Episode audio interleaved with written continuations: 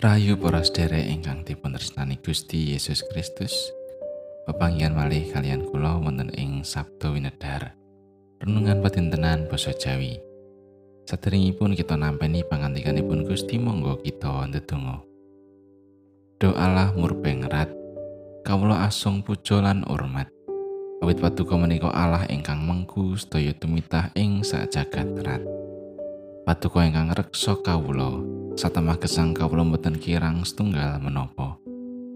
Lumebet ing mangsa Advent lan Natal menika mugi kula sinagetaken ngengeti lan ngraosaken katresnan paduka ingkang karsa manjalmu kangge nebus dosa kawula.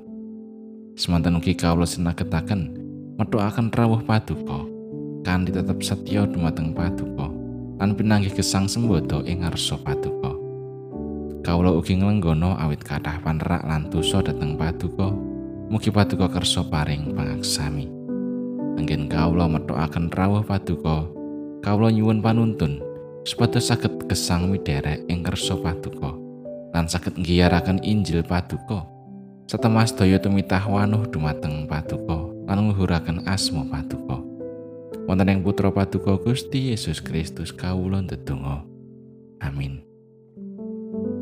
Maosan kapendet saking Lukas bab 6 ayatipun pitulikur dumugi tigang dasa enam.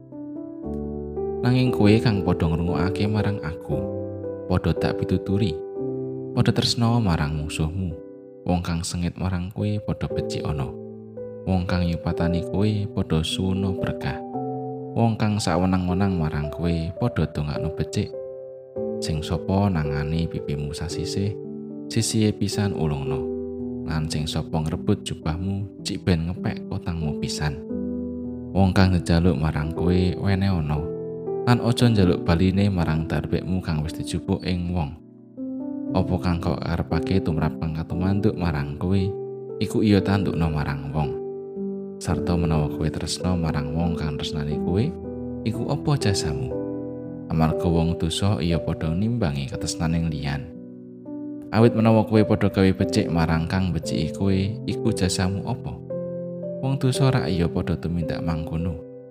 Lan maneh menawa kowe ngutangi marang wong kanthi pengarah supaya oleh apa-apa saka dheweke, iku apa jasamu?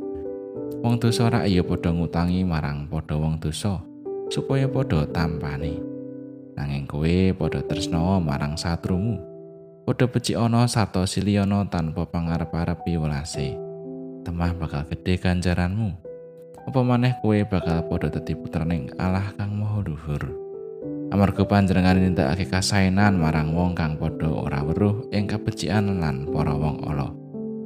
Kue sing padha ambek welasan, kaya anggone ramamu iya ambek welasan.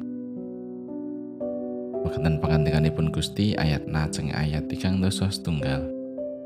Opo kang kok karepake tumrap kang tumanduk marang kowe iku ya tandukno marang wong. Wonten setunggaling tiang sebat kemawon Ibu Ayu ingkang gadhahi sesambetan kirang sae kalian Ibu Mara sepuhipun. Miturut Ibu Ayu, Mara sepuhipun boten resnani lan boten ngurmati dirinipun. Ibu Mara sepuhipun asring ngendika ingkang damel seri ing manahipun. Pramila Ibu Ayu ugi boten purun ngurmati Ibu Mara sepuhipun. Perkawis ingkang kalampahan antawisipun Ibu Ayu lan Ibu Mora sepuhipun namung mujudaken salah setunggaling contoh bab sesambetan ingkang kirang sae ing antawisipun manungsa. Sesambetan ingkang kirang sae antawis kita kalian sesami jeleranipun awit kita asring kepengin tiang sanes nindakaken setunggaling perkawis ingkang kita kajengaken.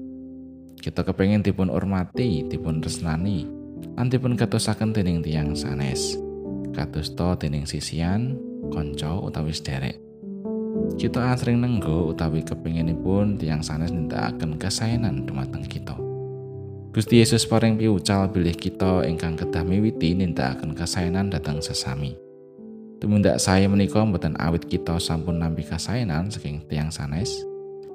Pangantikanipun Gusti nimbali kita supados ndarbeni krentek lang utawi aktif anggen kita nindakaken kasaenan Mboten namung nalika kita sampun nampi kasainan.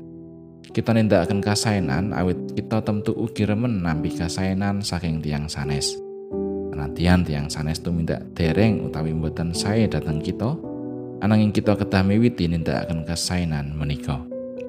Gusti Yesus piyambak sampun paring tulodo dateng kita.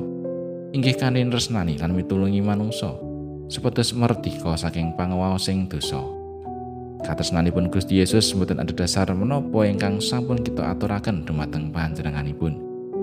Pramila katresnanipun Gusti asring kasebat katresnan agape jarwanipun katresnan ingkang tanpa pamrih. Minangka para putranipun Gusti, sumangga kita tansah ndarbeni krentek miwiti utawi aktif nanduaken kasainan dhateng sok sinten tiyang. Amin.